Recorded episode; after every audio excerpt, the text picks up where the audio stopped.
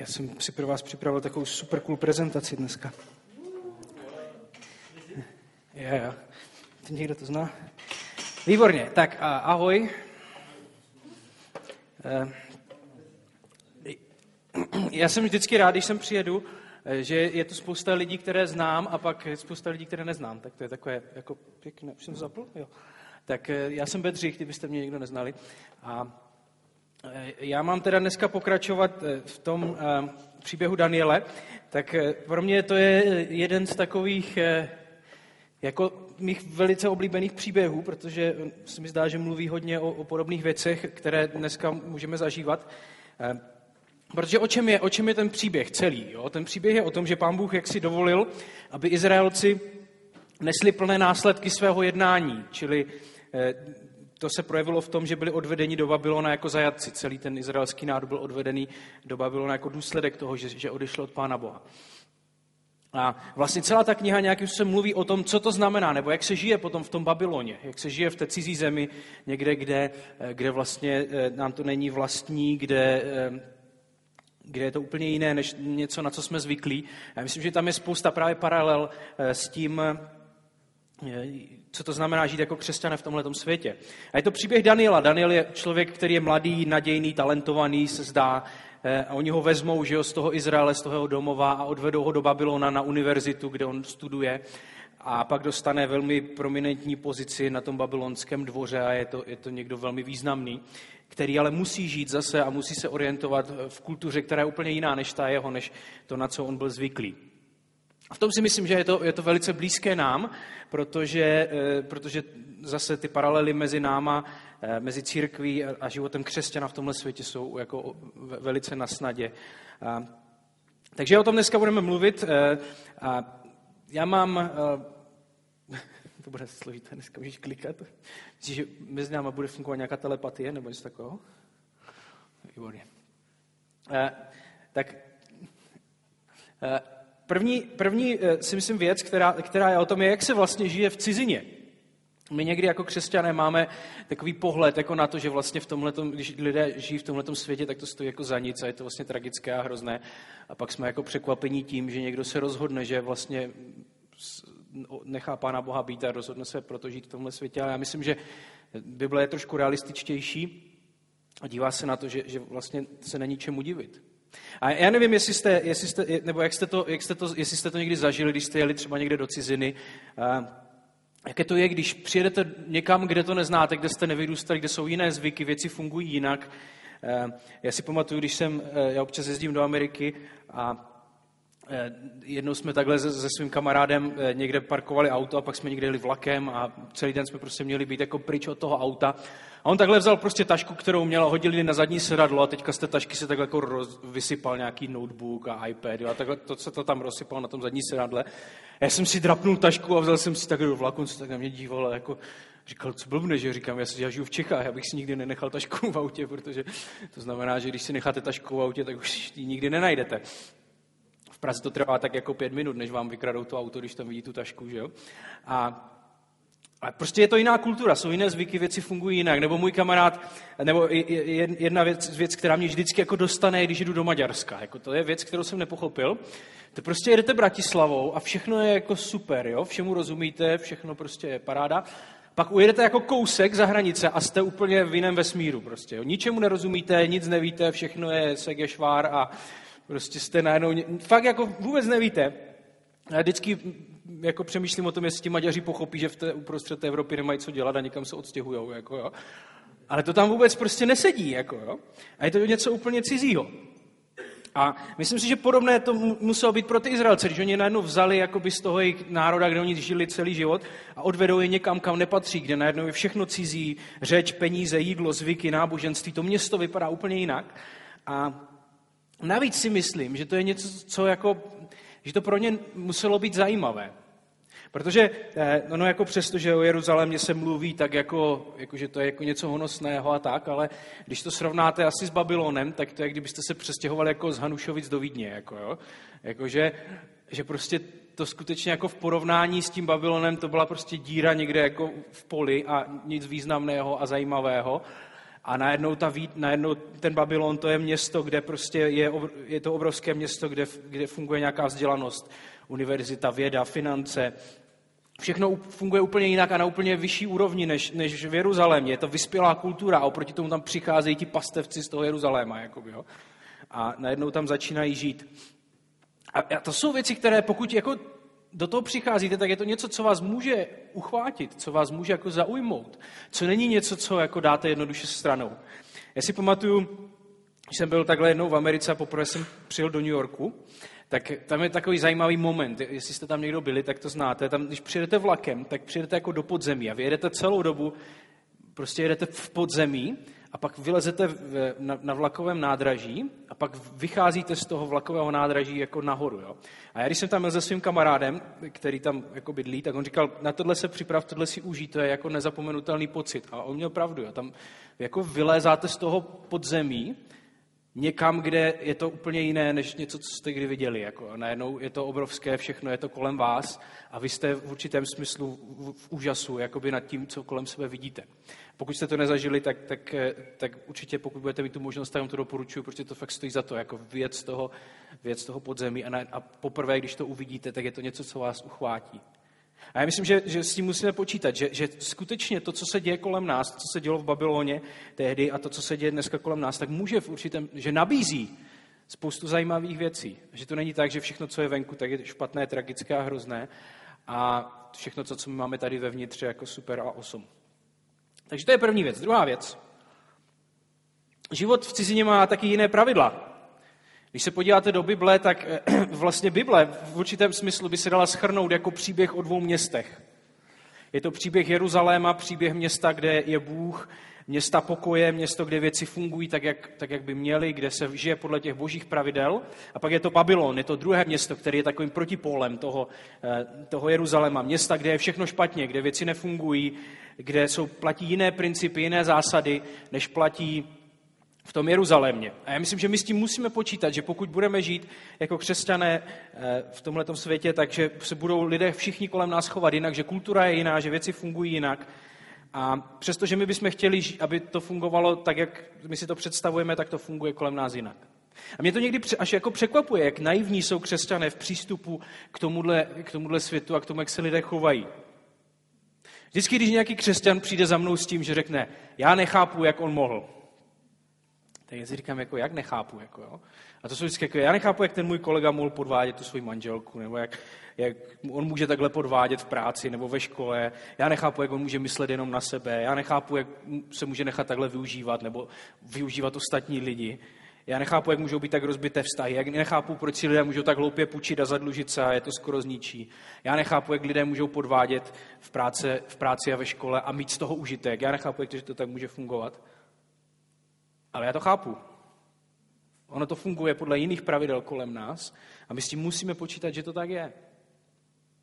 A my s tím nemůžeme být překvapeni. My bychom chtěli, aby se, tam, aby se všude kolem nás žilo, tak jak, se, jak jsme zvyklí na to, že se žije v Jeruzalémě, na to, že jsou nějaké pravidla a že lidé je dodržují, ale ono to tak není. A s tím souvisí, s tím souvisí ta, ta, ta další věc a to je, jak teda my na to reagujeme, jak, jak žít v takovém prostředí. A o tom je právě to, o čem dneska budeme mluvit. Protože si myslím, že jsou nějaké dva takové extrémy.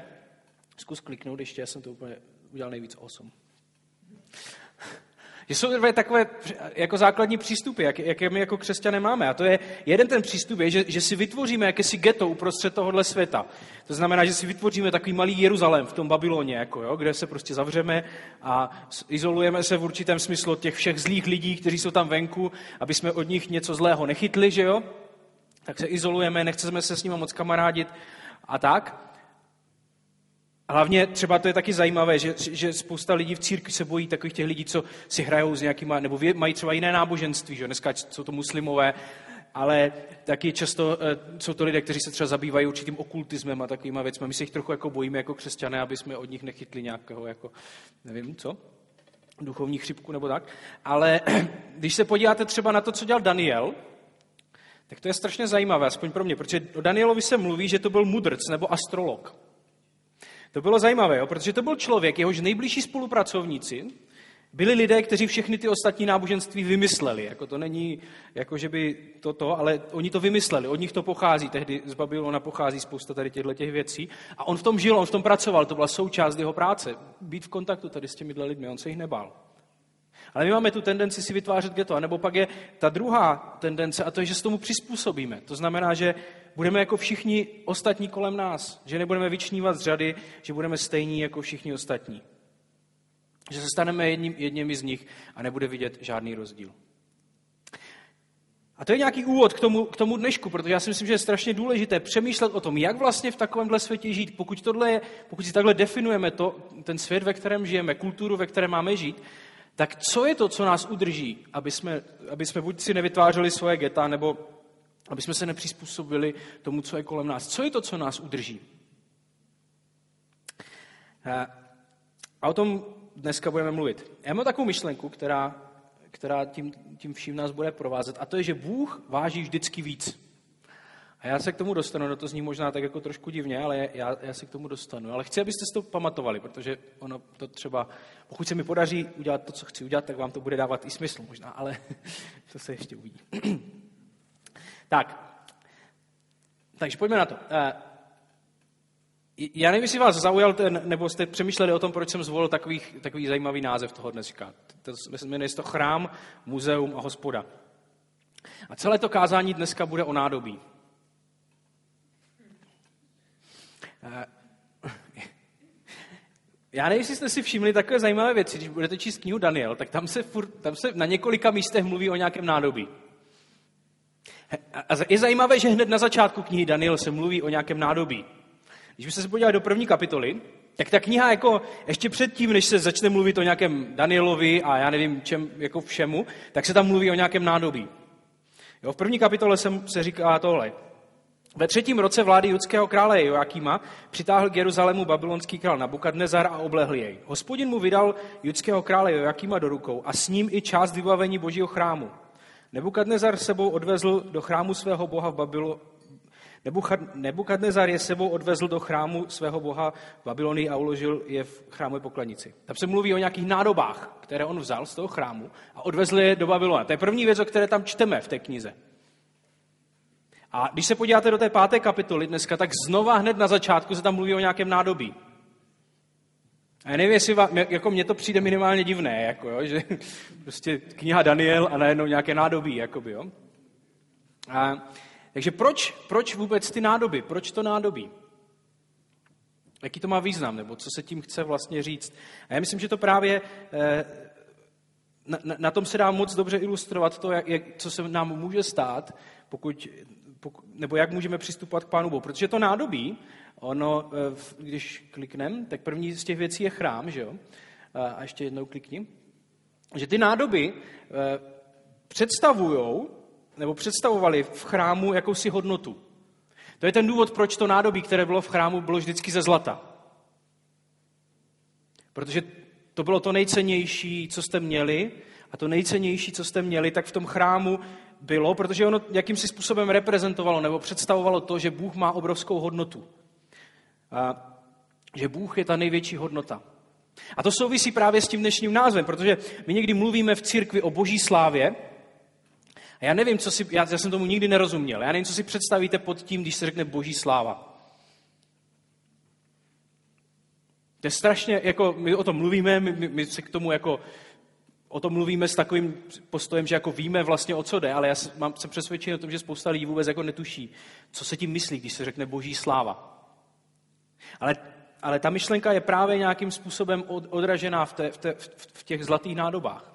Protože když slovo sláva, to hebrejské slovo, které se tam používá, se dá přeložit ještě jinak. Se dá přeložit jako váha nebo závaží nebo tíže. A ta myšlenka je naprosto jednoduchá. To, co znamená boží sláva, je, že Bůh má jakousi váhu, jakousi tíži. A když byste ho vzali, pokud by to bylo jakýmsi způsobem možné, a postavili ho na váhu, jo, tak hypoteticky, a proti němu postavili cokoliv jiného, tak pán Bůh je vždycky těžší než to ostatní. To znamená, že ať vezmete cokoliv v tomhle světě, ať vezmete jakoukoliv věc v tomhle světě a postavíte ji proti Pánu Bohu na váhu, tak on je vždycky těžší, on je vždycky závažnější, On má vždycky větší hodnotu, on je důležitější než to všechno ostatní. A to je to, čím, co se rozumí tou boží slávou, že pán Bůh je vždycky důležitější, vždycky těžší, on váží vždycky víc než všechno ostatní. A to je to, co představují ty nádoby. To je to, co představuje to zlato, to je to, co představuje ta věc, která je uložená v chrámu, která se používá v tom nejsvětějším prostoru, když se lidé přibližují k Pánu Bohu. Je to něco, co je vzácné. A o tom je přesně celá ta kniha Daniel. O tom, jak žít, jak žít v Babyloně s tím, že Pán Bůh má tu největší hodnotu. Jak žít v tomhle světě s tím, že Pán Bůh je tím, kdo je ten hlavní a nejdůležitější v našem životě. A to souvisí s myšlenkou uctívání, že jo, samozřejmě. Toho, co je uctívání Pána Boha. Protože to taky souvisí s tou hodnotou. My jsme dneska eh, strašně často přenesli myšlenku uctívání do nějakého zpívání nebo do nějakých myšlenek a pocitů a emocí, ale to tak ve velké většině případů nikdy nebylo. Eh, uctívání není nějaký prožitek, něco, co se jako stane s našimi emocemi, když zpíváme v sobotu na kostele nebo v neděli v kostele, ale to tak hezky se dá jako povědět. Ale uctívání má ve velké většině případů konkrétní hodnotu. To je nějaká, nějaký, nějaká oběť, kterou já přináším Pánu Bohu. Náš eh, ředitel na semináři Karel Tašner vždycky říkal takovou věc, která mě hodně ovlivnila. On říkal, co nic nestojí, za nic nestojí. A já myslím, že s uctíváním Pána Boha je to úplně stejné. Pokud nás, naše uctívání, náš život pro Pána Boha nic nestojí, tak to ve velké většině případů za nic nestojí. Jestli neobětujeme Pánu Bohu svůj život, svůj čas, energii, peníze, tak je velká otázka, jestli ho uctíváme. To, že zpíváme někde nějaké písničky, jako ještě nic neznamená. A moje otázka je teda potom, jak sloužíme konkrétně Bohu, aby jsme vyjádřili to, že On je tím hlavním, tím nejdůležitějším, tím nejzávažnějším v našem životě, že já mu věřím. Jak konkrétně s ním trávíme čas, je to tak, že přijdeme jedno za 14 dní na kostel v sobotu a to jako je super a tím jsme si očkrtli. Jak mu obětujeme svoje peníze? Jsou lidé, kteří jsou ochotni obětovat několikanásobné množství peněz na svého psa, koníčky, boty, cestování dovolené než Pánu Bohu. Kolik energie mě to stojí v životě? Žít pro Pána Boha. Někdy říkáme, já nemůžu, já studuju, pracuju, Pán Bůh musí počkat, on musí pochopit, protože já mám ty jiné věci. Co jsem mu obětoval, kromě sobotního večera? Jaké radikální kroky jsem ochotný udělat, abych se zbavil hříchu ve svém životě? Nebo hledáme takové ty ideální řešení, kdy mě to nic vlastně nestojí, ale zároveň to není tak velký problém. Čili to je ta první věc, to je, to je ta, která s tím souvisí, nebo o kterém chci mluvit, že Pán Bůh váží vždycky víc. Jeho hodnota, jeho sláva je ta největší hodnota v tomhletom světě. To, co se stalo ale v tom příběhu Danielovi a to, čím, to, čím to celé začíná, je, že král Nebukadnezar vzal ty nádoby z toho chrámu, kde oni vyjadřovali tu boží slávu, boží svatost a postavil je, můžeme říct v určitém smyslu, do muzea. On z nich udělal, on si je vystavil v té svoji, v té svoji výstavce těch trofejí válečných, které měl, což bylo v určitém smyslu takové muzeum, které by tam bylo, nebo k tomu by se to dalo jakoby přirovnat k muzeu. A tím je najednou velice zrelativizoval. Najednou to jsou věci, které ano, a tak, tak to máme v muzeu, že jo. Ty věci jsou, jako my se na ně díváme s určitým respektem, ale jsou to věci, které nemají žádný vliv. Jsou to věci, které možná mají nějakou hodnotu v tom muzeu, my to víme, ale ta hodnota je velice relativní. A já myslím, že to je přesně to, co se, to, co se děje v tom, nebo to, to, to na co chce ta, ta kniha ukázat, ten příběh ukázat, že se nám může velice jednoduše stát, že Pán Bůh se stává velmi relativním. A to je něco, co, co dělá dnešní doba že jo, s Bohem, že jsou lidé, kteří sice nějakým způsobem mají určitý respekt vůči Bohu nebo vůči některým lidem, kteří Pána Boha následují, jako je papež dnešní, ten má obrovský respekt ve světě, matka Teresa má obrovskou úctu, že jo. Oni mají sice nějaký respekt, nějakou úctu, ale nemají potom žádný vliv v životě těch lidí. Nebo myšlenka manželství, že jo má určitý respekt, ale zase je to, se to začíná relativizovat vůbec, co to je manželství. Je to mezi mužem a ženou, mezi dvěma muži, mezi dvěma ženami, mezi mužem a pračkou. Jako jo, vy můžete dneska v podstatě uzavřít manželství s čímkoliv. A, jo, je to, a zase, je to něco, co je na pořád, je to něco, co Jak, jak to je? Jakou to má hodnotu? Nebo je, je to něco relativního? Je zajímavé, paradoxně, když jsem si studoval nějaké věci o manželství a pohledu dnešní kultury na manželství, je zajímavé, že důvod, proč lidé nevstupují do manželství, je, že z toho mají určitý respekt. Že to vnímají pořád jako určitý závazek. Čili je tam nějaký respekt, ale často velmi malý vliv. Nebo hodnota života, že jo? Otázka potratu a eutanázie je velmi živá znova. Je to něco najednou, co už je velmi relativní, hodnota života. A to je svět, ve kterém žijeme. A ty, tyhle ty věci se, myslím, věřím, budou stupňovat a, budou měnit a bude to ještě víc relativní. Věci, na které my spoléháme, tak budou ještě víc relativní. A pak je otázka, jestli my neděláme podobnou věc v církvi, jestli nebereme tu, tu absolutní hodnotu, kterou je Bůh a tu absolutní vážnost, kterou on má a trošku ho jako nezrelativizujeme. Neuděláme z něho takový muzejní, muzejní kousek. Jestli najednou, najednou Bible není něco, co je relativní. Já to slychám znovu a znovu v církvi, kdy diskutujeme o tom a lidé najednou argumentují tím, že vlastně to není úplně tak jasné a že to je vždycky otázka výkladu a že se to dá chápat různě, i když mně se třeba zdá, že to je celkem jasné. A najednou to zrelativizujeme a řekneme, že to je otázka výkladu a tak vlastně nevíme, jak to je. Nebo Bůh my mluvíme i v církvi často o Bohu jako o někom takovém jako neurčitém, nedosažitelném. A přitom my jako křesťané věříme, že ten Bůh je konkrétní, že to je ten Ježíš. Že my ho můžeme znát, ale přesto ho relativizujeme. Nebo to, že Ježíš je jediná cesta k Bohu. A přitom dneska spousta lidí v církvi začíná mluvit o tom, že vlastně nikdo nakonec neví, jak to dopadne. Nebo třeba ta myšlenka, se kterou spousta lidí, které spousta lidí uvěřila, že, že pán Bůh má, nebo že, že, že to, jak to v křesťanství je, že já mám skvělý plán pro pána Boha a ne, že on má skvělý plán, plán pro mě. To znamená, že já pánu, před, pánu Bohu před, předkládám svoje požadavky a to, jak bych chtěl, aby můj život vypadal a on je musí splnit, protože je dobrý Bůh. A myslím, že spousta lidí tím trpí dneska, že uvěřili tomu, že Bůh, že, že mají nárok na to, aby pán Bůh jim dal všechno, za co se modlí a co chtějí. A ono to potom nefunguje a oni neví, co s tím mají dělat.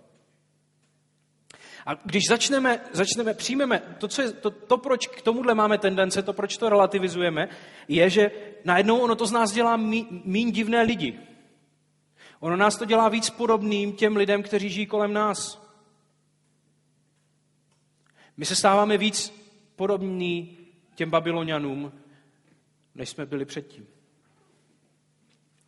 A v tom je to, v tom je to tak eh, zajímavé a proto to tolik lidí eh, přitahuje. Takže to je druhá věc, že, že z toho, když, když ty věci byly v chrámu, představovaly tu hodnotu, kterou má Bůh, tak ten Nebukadnezar vzal ty nádoby a postavili do muzea, kde se ta jejich hodnota velmi zrelativizovala. A pak je třetí věc, a to je to, o čem čteme v té páté kapitole. To je to, co dělá ten jeho syn Belšasar. A to je, že on vezme ty nádoby a udělá z nich skleničky v hospodě. Udělá z nich něco, co v podstatě nemá skoro žádnou hodnotu. Udělá z nich něco, co se používá naprosto běžně, co je prostě normální a na čem vlastně vůbec nezáleží. Eh, já strašně rád vzpomínám na mého dědu, který umřel už asi před, já nevím kdy, 12 lety. A můj děda byl úžasný člověk, já bych vám někdy o něm mohl povídat dlouho, ale on jednu z takových věcí, kterou měl, že, že děda měl posvátné předměty. Eh, u něho doma byly posvátné předměty a eh, jedné z těch předmětů byly jeho vláčky. Já nevím, jestli, jestli si pamatujete takové ty vláčky, nebo jestli to znáte, takové prostě, které si doma postavíte a ono je to železné a jezdí to. A děda, děda to měl fantasticky a on si vyrobil spoustu takových různých blbinek kolem toho, jako jo, a prostě to měl úplně úžasné a bylo to naprosto nedotknutelné, jako my jsme to nemohli na to šáhat, my jsme tak jako povzdálí mohli pozorovat, jak to jezdí a to bylo něco, co bylo nedotknutelné.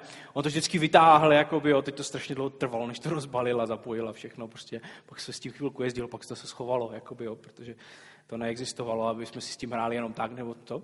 A, a to bylo nedotknutelné. On měl víc takových věcí, jako jo, třeba jeho dílna, on byl takový kutil, tak, eh, tak měl, měl svoji dílnu a v, tam měl spoustu věcí. Třeba tam měl takový stojan na vrtačku, který neexistoval, tehdy on se ho vyrobil někde, podle ně, ně, někde to viděl prostě ve světě, tak se to vyrobil jako sám doma, měl to tam a na to nikdo nemohl šahat.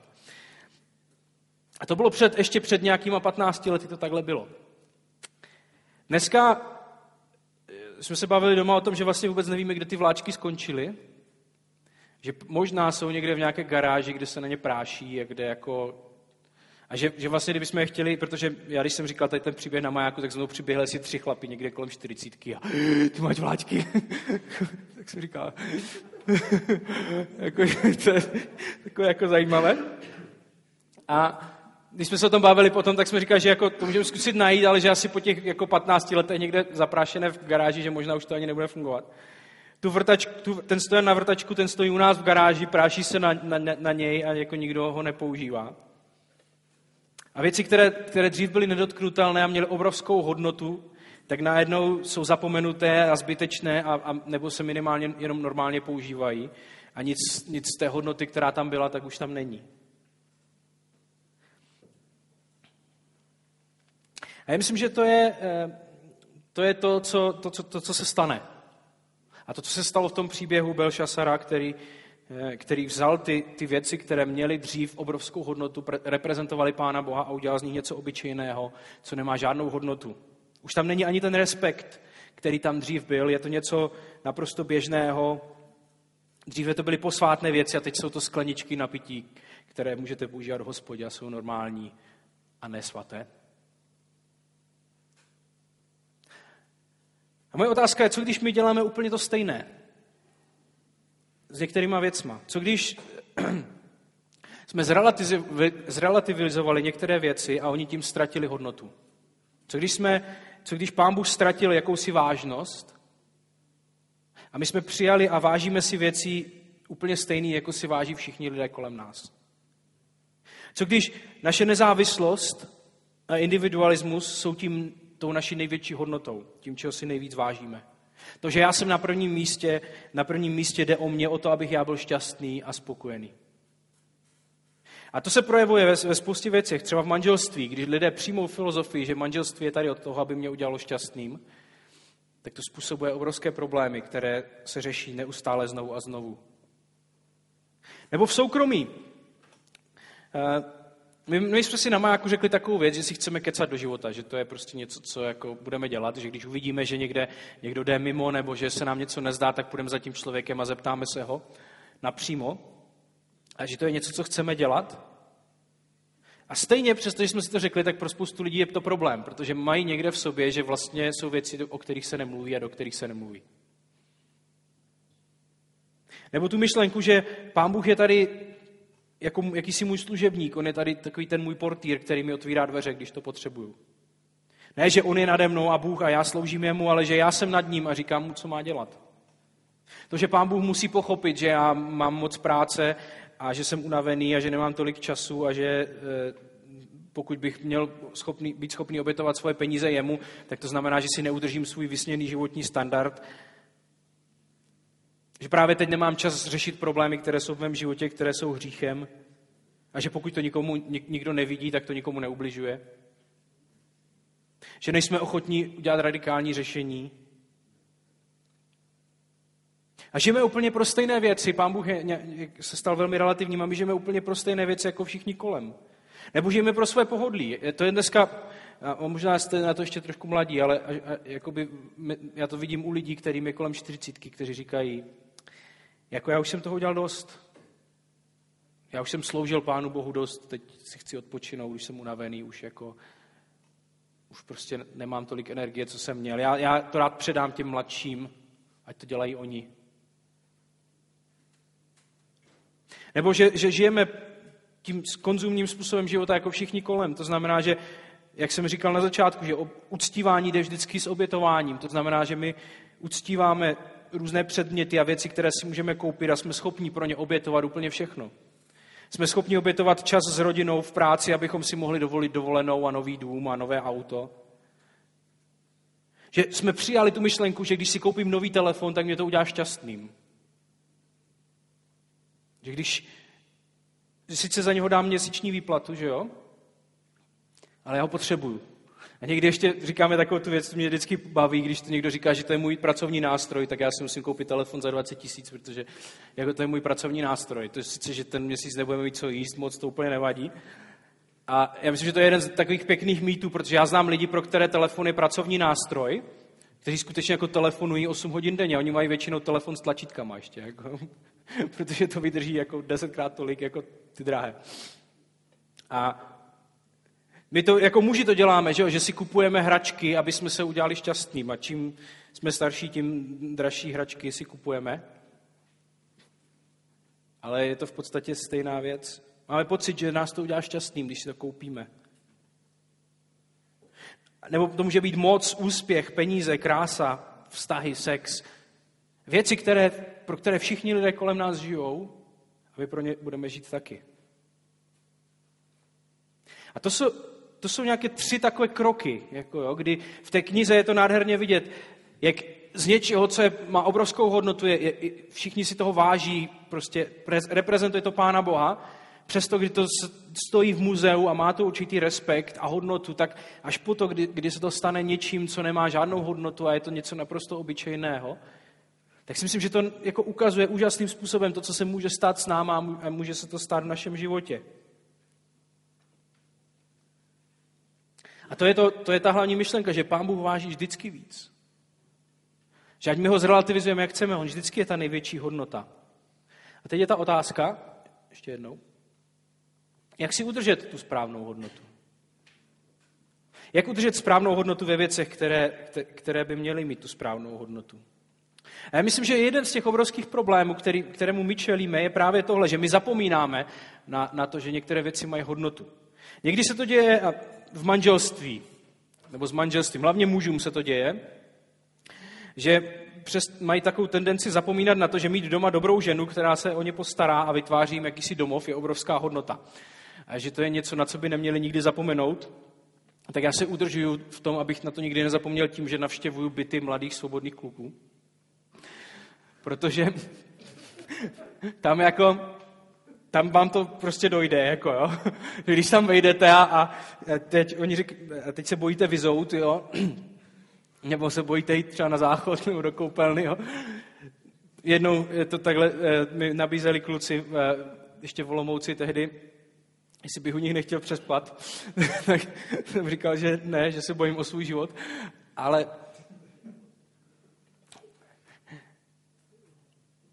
Ale že to je ten problém, že my zapomínáme na to, že některé věci mají obrovskou hodnotu a potřebujeme, potřebujeme si je připomínat. A to je stejné je to v životě křesťana. Že možná to je ten jeden z těch největších zápasů, který vedeme. Že máme největší problém, se kterým zápasíme, je, že přestáváme vidět tu hodnotu, kterou je Bůh, kterou On má. Nebo začínáme vidět větší hodnotu v jiných věcech. A otázka je teda, jak to, jak to máme dělat. Jak se, s tím, jak se s tím máme porvat. Jak se to dělá, aby pán Bůh Ježíš si měl vždycky to první místo? Jak nepřevzít ty hodnoty, které jsou kolem nás? Jak, se, jak, se, jak si nevytvořit to geto? Jak, jak, jak, jak žít jinak? Já myslím, že, že to je v tom připomínání si. To je nějaký termín, který se objevuje v Bibli znovu a znovu, ke kterému nás Bible znovu a znovu vy, vy, vy, vyzývá, že si máme některé věci připomínat. Že třeba když slavíme večeři páně, tak si připomínáme to, co pro nás Ježíš udělal. V žalmech se to často o tom mluví, že si připomínáme některé věci.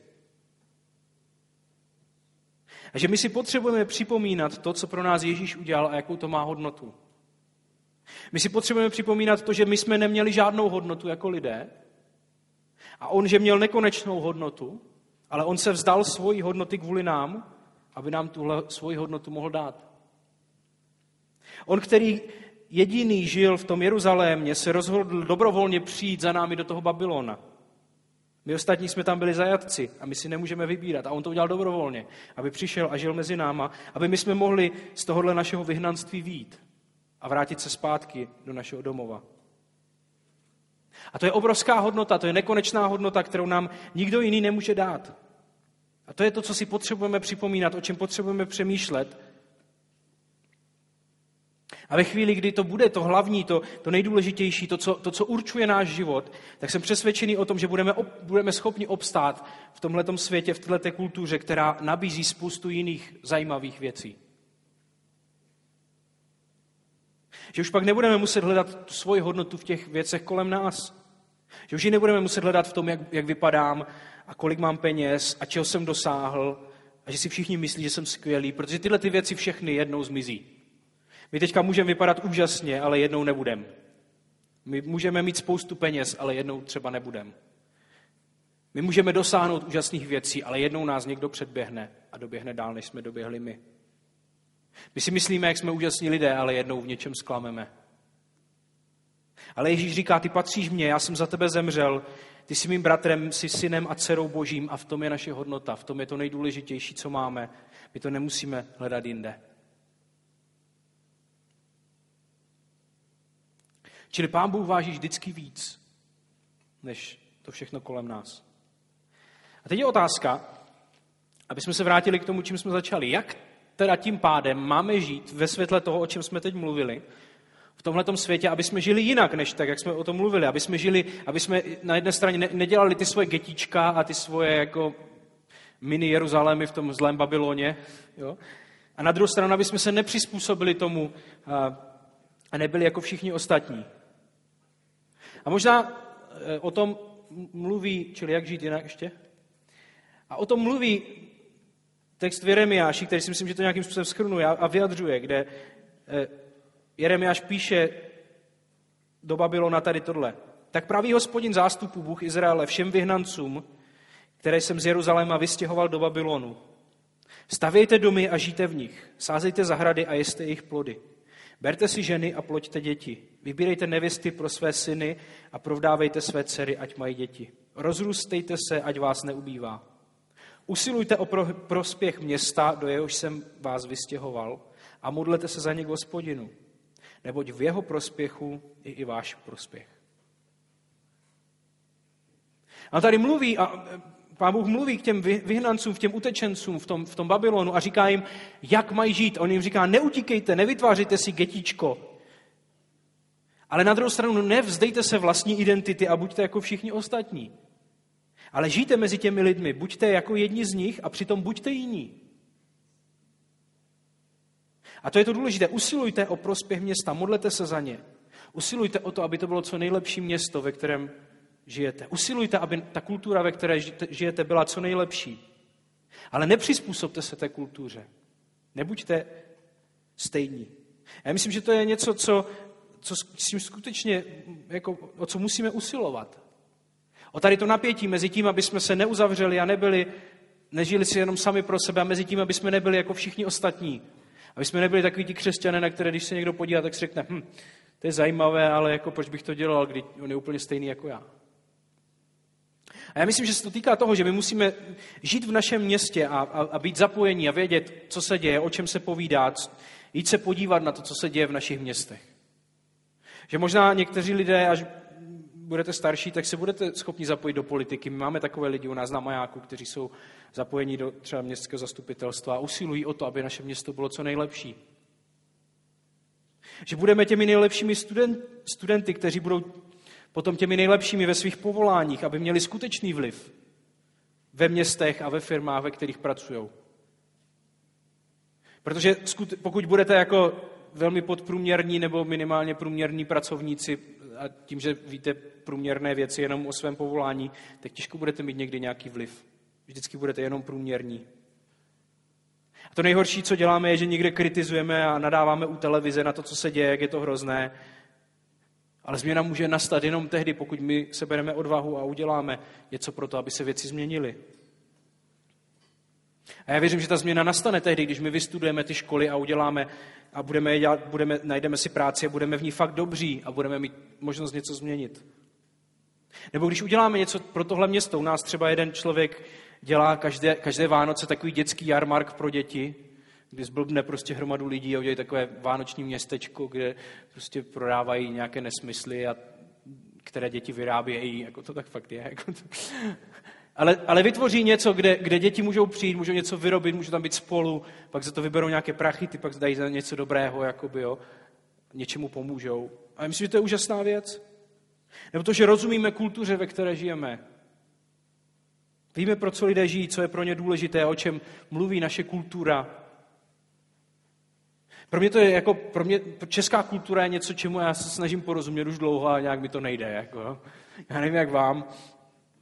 Já jsem si to uvědomil, já jsem byl, eh, já jsem byl v kině na Tóra kdysi, protože to je epický film, že jo?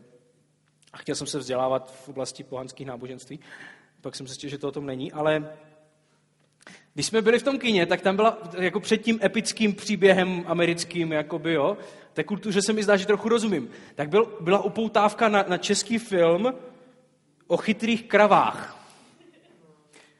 A celý film byl o, nějaké, o nějakých kravách, jako jo. A já jsem prostě tam seděl a sledoval jsem ten trailer o prostě, jak tam někde jdou krávy nějaké, jako jo, a něco.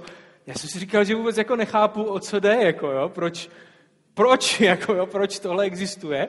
Proč by někdo šel do kina na film o kravách, jo, jako, by to bylo aspoň o hovězím a o stej, tak já nevím, jo, ale prostě o kravách. Já si říkám, já fakt jako se snažím porozumět to naší kultuře, ale nějak mi to nejde prostě.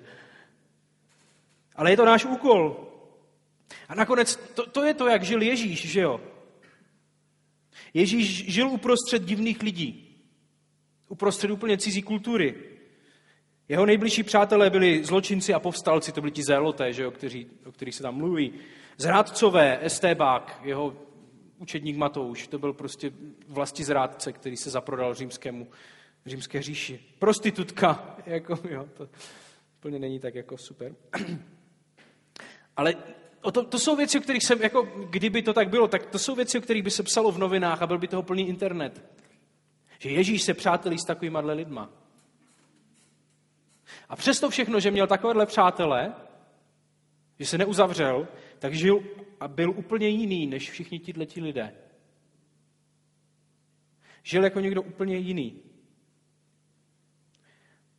A to je to, co my si musíme udržet ve svém životě, že Bůh váží vždycky víc, že On je vždycky hodnotnější než cokoliv jiného v našem životě a v tomhle světě. A že potom, pokud tohle budeme schopni, pokud tomuhle budeme rozumět, tak jsme schopni obstát v tomhle světě.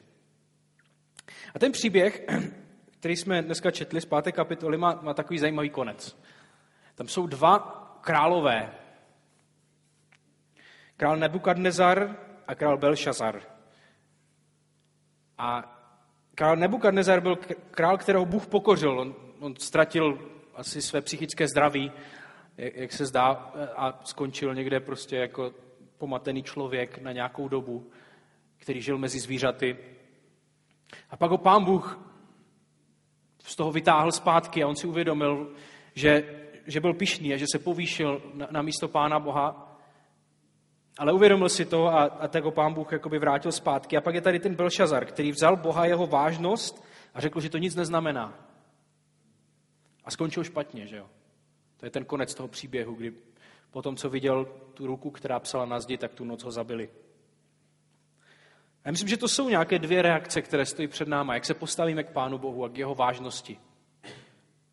Uvědomíme si, že on skutečně je tím nejvážnějším, nejdůležitějším, a nebo ne.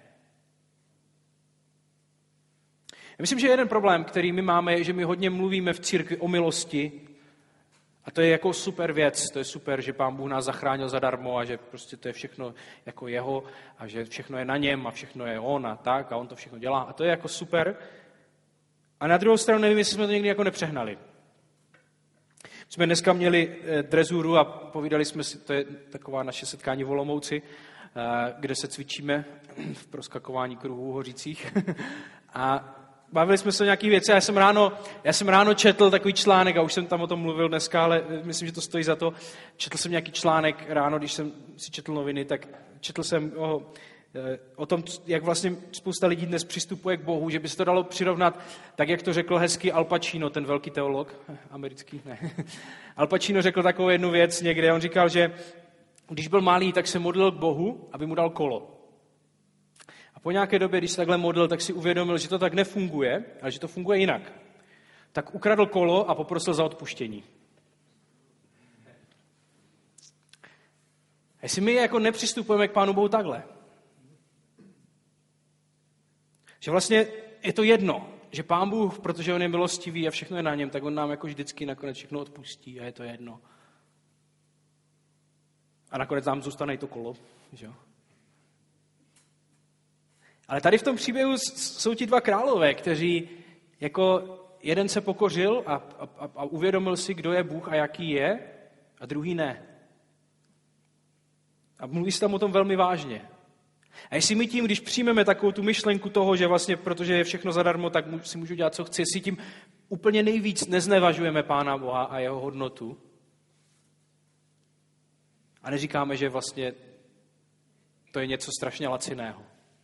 A, něco, a já myslím, že to je obrovský problém, něco, na co si musíme dávat pozor, protože znovu a znovu v Bibli se opakuje myšlenka, že, že Pána Boha nikdo nebude znevažovat. Jemu se nikdo nebude vysmívat, jeho nikdo nebude zneužívat. Takže Pán Bůh váží vždycky víc než všechny ostatní věci, které my máme v životě a které jsou v tomto světě. A my s tím buď budeme počítat a přizpůsobíme se tomu, anebo to bude obrovský problém v našem životě. Tak se pojďme modlit. Pane Ježíši, já ti děkuji za to, že ty jsi přišel do tohohle světa, do světa, kde my žijeme jako vyhnanci a ty se stal jedním z těch zajatců a vyhnanců. Vzal si se všeho, co jsi měl pro to, aby si nám to mohl dát, tu obrovskou hodnotu, kterou můžeme mít dneska jako boží děti. Pane, tak nás nauč, co to znamená žít v tomhle světě tady s tímhle, že, že ty jsi ta největší hodnota, ty jsi to nejdůležitější a že není nic, co by bylo důležitější než ty, pane. Pomo- nauč nás, jak, jak obstát v našem světě, v naší kultuře, v naší společnosti, aby jsme mohli žít tak, jak říká Jeremiáš, pro dobro našeho města. Amen.